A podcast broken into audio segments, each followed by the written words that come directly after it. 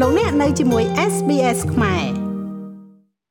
ការសិក្សាថ្នាក់បណ្ឌិតគឺជាជំរើសមួយដែលនិស្សិតម្នាក់ៗត្រូវចំណាយពេលវេលាឲ្យគ្រប់គ្រាន់ដើម្បីធ្វើការសម្រេចចិត្ត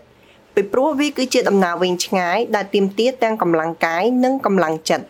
បច្ចុប្បន្ននេះស្ត្រីខ្មែរជាច្រើនរូបកំពុងបោះជំហានយ៉ាងខ្ពស់ទៅកាន់ការបញ្ចប់ការសិក្សាថ្នាក់បណ្ឌិតរបស់ពួកគេ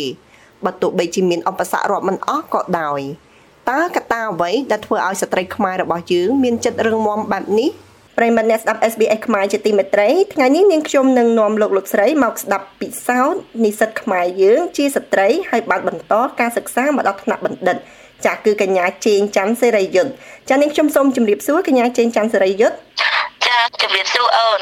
សូមអរគុណណាស់សម្រាប់ពេលវេលានៅក្នុងថ្ងៃនេះ សំណួរទី1ចង់សួរទៅបងស្រីនៅក្នុងថ្ងៃនេះថាតើបងស្រីមកដល់ប្រទេសអូស្ត្រាលីនេះតាំងពីពេលណាហើយឥឡូវនេះកំពុងតែបន្តថ្នាក់បណ្ឌិត នៅសាកលវិទ្យាល័យមួយណាហើយនៅលើមុខវិជ្ជាអ្វីដែរចា៎ ចាបងបានមកអូស្ត្រាលីនេះនៅកាលខែ2ឆ្នាំ2020គឺមុនពីអាទិត្យមុនដែលអូស្ត្រាលីបិទ border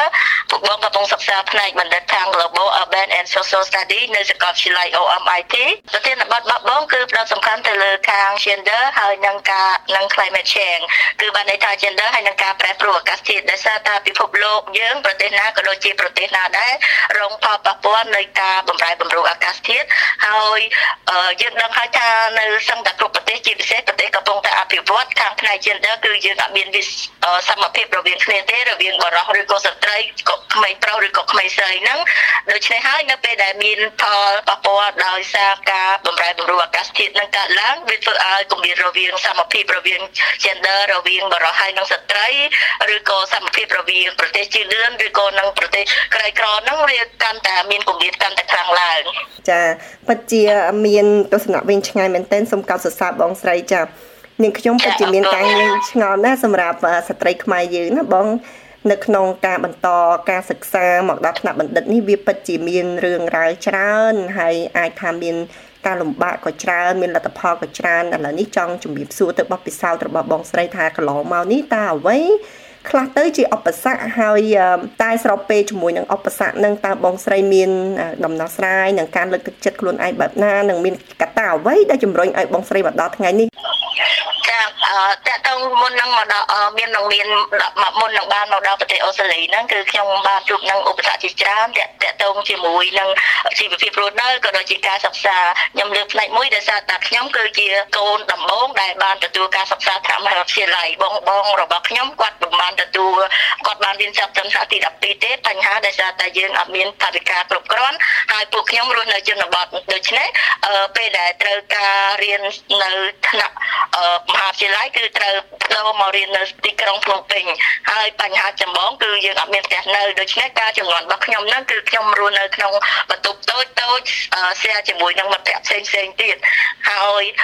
តាក់ទងជាមួយនឹងរឿងថាវិការដែលដែលគ្រួសារផ្ញើមកហ្នឹងគឺពេលខ្លះក៏មានការខ្វះខាតហើយដោយសារតាជាបទពិសោធន៍មានបងស្រីពីរនាក់គាត់អត់បានរៀនបានដល់មហាវិទ្យាល័យដូច្នេះគាត់ព្យាយាមជំរុញបានន័យថាគាត់ព្យាយាមលើកទឹកចិត្តហើយក៏ដូចជាផ្ដល់ថវិកាដើម្បីជំរុញឲ្យខ្ញុំបានរៀនដល់ចប់មហាវិទ្យាល័យហើយបានការងារធ្វើមួយប្រាក់ខែមកល្មមអាចជួយខ្លួនឯងបានពេលដែលរៀនចប់មហាវិទ្យាល័យហើយនៅពេលដែលខ្ញុំរៀនចប់ពេលដែលខ្ញុំធ្វើការហ្នឹងគឺបានន័យថាខ្ញុំចាប់ផ្ដើមប្រឡូកជាមួយនឹង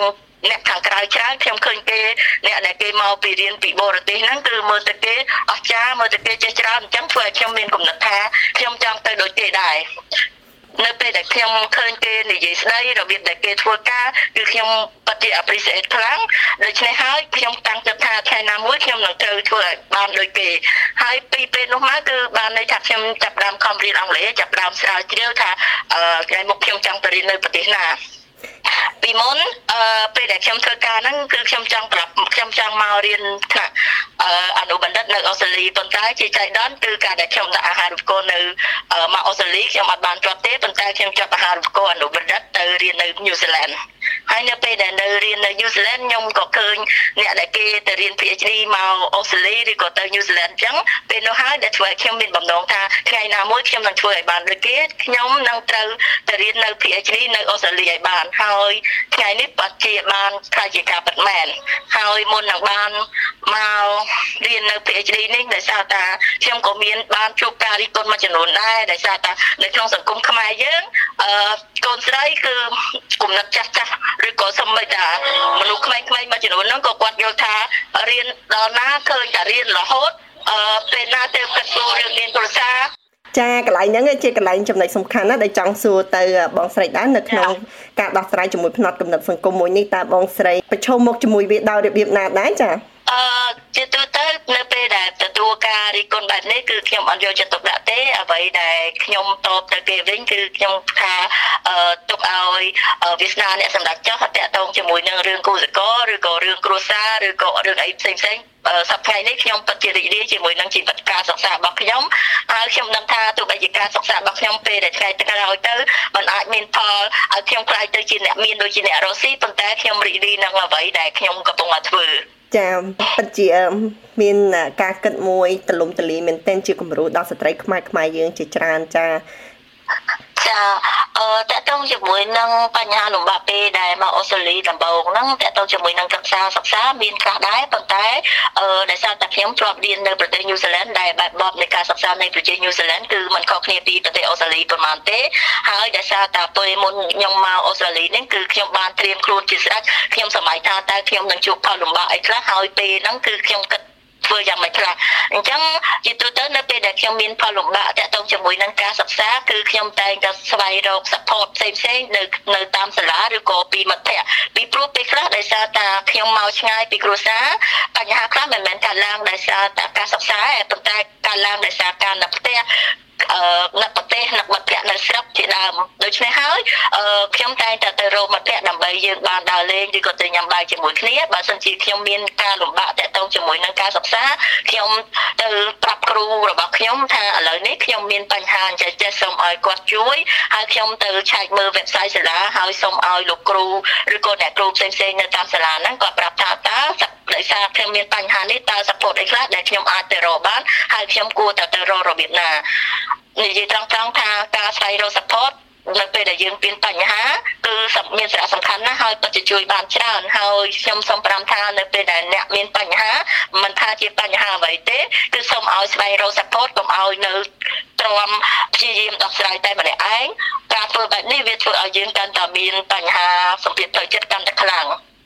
ដោយសារឃើញថាការសិក្សាថ្នាក់បណ្ឌិតពិតជាលំបាកខ្លាំងណាស់មែនទែនបងស្រីគឺលំបាកខ្លាំងតែម្ដងចាហើយកន្លងមកតើបងស្រីមានដែរធ្លាប់មានចិត្តកាត់ឡើងថាចង់បោះបង់វាដែរទេចានៅពេលដែលខ្ញុំតាំងចិត្តថាមកប្រទេសអូស្ត្រាលីឬក៏តាំងចិត្តថា apply ដើម្បីទទួលបានអាហារូបករណ៍មករៀនប្រទេសអូស្ត្រាលីគឺខ្ញុំមានការតាំងចិត្តពីដំបូងថាមិនថាមានបញ្ហាអីទេគឺខ្ញុំមិនបោះបង់ឡើយហើយមកដល់ ពេលនេះគឺរយៈពេល2ឆ្នាំ4ខែខ្ញុំមិនដែលមានចិត្តឬក៏កូនចិត្តមួយថានឹងបោះបង់ហើយខ្ញុំគិតថានៅថ្ងៃអនាគតពួកខ្ញុំនឹងអត់មានអារម្មណ៍ថានឹងបោះបង់ដែរពីព្រោះនេះគឺជាអ្វីដែលខ្ញុំតាំងចិត្តតាំងពីខ្ញុំនៅស្រុកខ្មែរហើយខ្ញុំតែងតែប្រាប់ខ្លួនឯងថាខ្ញុំនៅអូស្ត្រាលីគឺនៅមែលប៊ននេះគឺខ្ញុំមានគោលបំណងមួយគឺត្រឡប់ទៅស្រុកខ្មែរវិញកាន់សញ្ញាបត្រ PhD ទៅបង្ហាញអ្នកផ្ទះខ្ញុំចាបងស្រីនឹងបានសម្រេចនៅគោលបំណងនឹងជាប្រកបណាស់ពីព្រោះការតាំងចិត្តមុតមមបែបនេះចាជាបន្តទៅទៀតនេះនាងខ្ញុំនឹងនាំលោកអ្នកទៅជួបជាមួយកញ្ញាចៅឈីឈីដែលជានិស្សិតខ្មែរមួយរូបទៀតកំពុងបន្តការសិក្សានៅប្រទេសកូរ៉េថ្នាក់បណ្ឌិត ចាសួស្តីឈីឈីចាសួស្តីដានីនិងជម្រាបសួរបងប្អូនជំនុំជាតិសិស្សានុសិស្សទាំងអស់គ្នាចាសូមអរគុណឈីឈីសុខសប្បាយទេនៅខាងនោះខ្ញុំសុខសប្បាយធម្មតា ចាអរគុណថ្ងៃនេះអរគុណខ្លាំងណាស់សម្រាប់ពេលវេលាដែលផ្ដល់ឲ្យ SBX ខ្មែរដើម្បីសម្ភាសហើយក៏អរគុណខ្លាំងមែនទែនដែលផ្ដល់ពេលវេលាដើម្បីចែករំលែកនៅបទពិសោធន៍ជូនទៅដល់យុវនិស្សិតយើងចំនួនក្រោយៗទៀតចាចង់ដឹងថាឈីឈីឥឡូវនេះកំពុងតែបន្តថ្នាក់បណ្ឌិតនៅកន្លែងណានៅសាកលវិទ្យាល័យណាដែរចាចាបច្ចុប្បន្ននាងខ្ញុំជានិស្សិតថ្នាក់បណ្ឌិតផ្នែក ជីវបច្ចេកវិទ្យាចំណីអាហារឬភាសាអង់គ្លេសហៅថា Food Biotechnology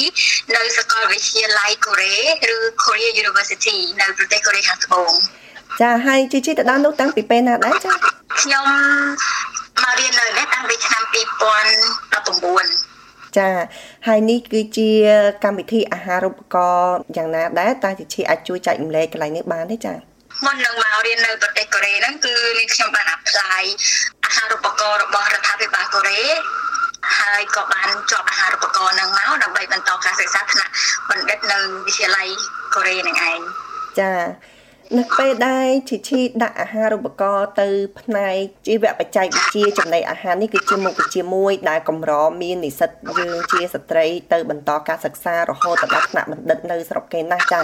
ហើយពិតជាមានការកោតសរសើរមែនទែនចំពោះជីឈីចង់ដឹងថាតើអ្វីទៅដែលជំរុញឲ្យជីឈីជ្រើសរើសយកមុខវិជ្ជាមួយនេះចាចាមូលហេតុដែលធ្វើឲ្យខ្ញុំជ្រើសរើសបន្តការសិក្សាផ្នែក Food Biotechnology ហ្នឹងគឺដោយសារតែខ្ញុំចង់ដឹងថាតើចំណីអាហារហ្នឹងមាន effect ចាំមិនទៅលើសុខភាពរបស់មនុស្សបើសិនជាយើងញ៉ាំអាហារដែលត្រឹមត្រូវវាធ្វើឲ្យមនុស្សមានសុខភាពល្អតើហើយតើអាហារបែបណាដែលយើងដែលមនុស្សញ៉ាំទៅដែល affect ទៅដល់សុខភាពមនុស្សដែលធ្វើឲ្យមនុស្សកើតជំងឺ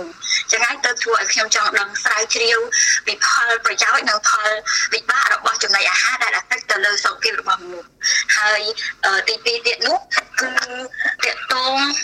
ទៅនឹងឧស្សាហកម្មក្នុងការកែច្នៃអាហារថាយើងមើលនៅសប្តាហ៍ថ្ងៃនេះគឺយើងឃើញមានប្រភេទអាហារច្រើនណាស់ដូចយើងទៅ supermarket ចឹងយើងឃើញមានអាហារកញ្ចប់មានជាសាច់ឬក៏ជាអាហារច្រើនប្រភេទនៅក្នុង supermarket ដែលគេបានបង្កើតថាតើចង្វាក់ផលិតកម្មហើយនឹងការកែច្នៃអាហារទាំងនោះតើគេកែច្នៃបែបម៉េចបានជាមានអាហារច្រើនប្រភេទដែលយើងអាចដែលបា នដាក់លក់នៅលើទីផ្សារឬក៏ supermarket ឧទាហរណ៍ដូចជា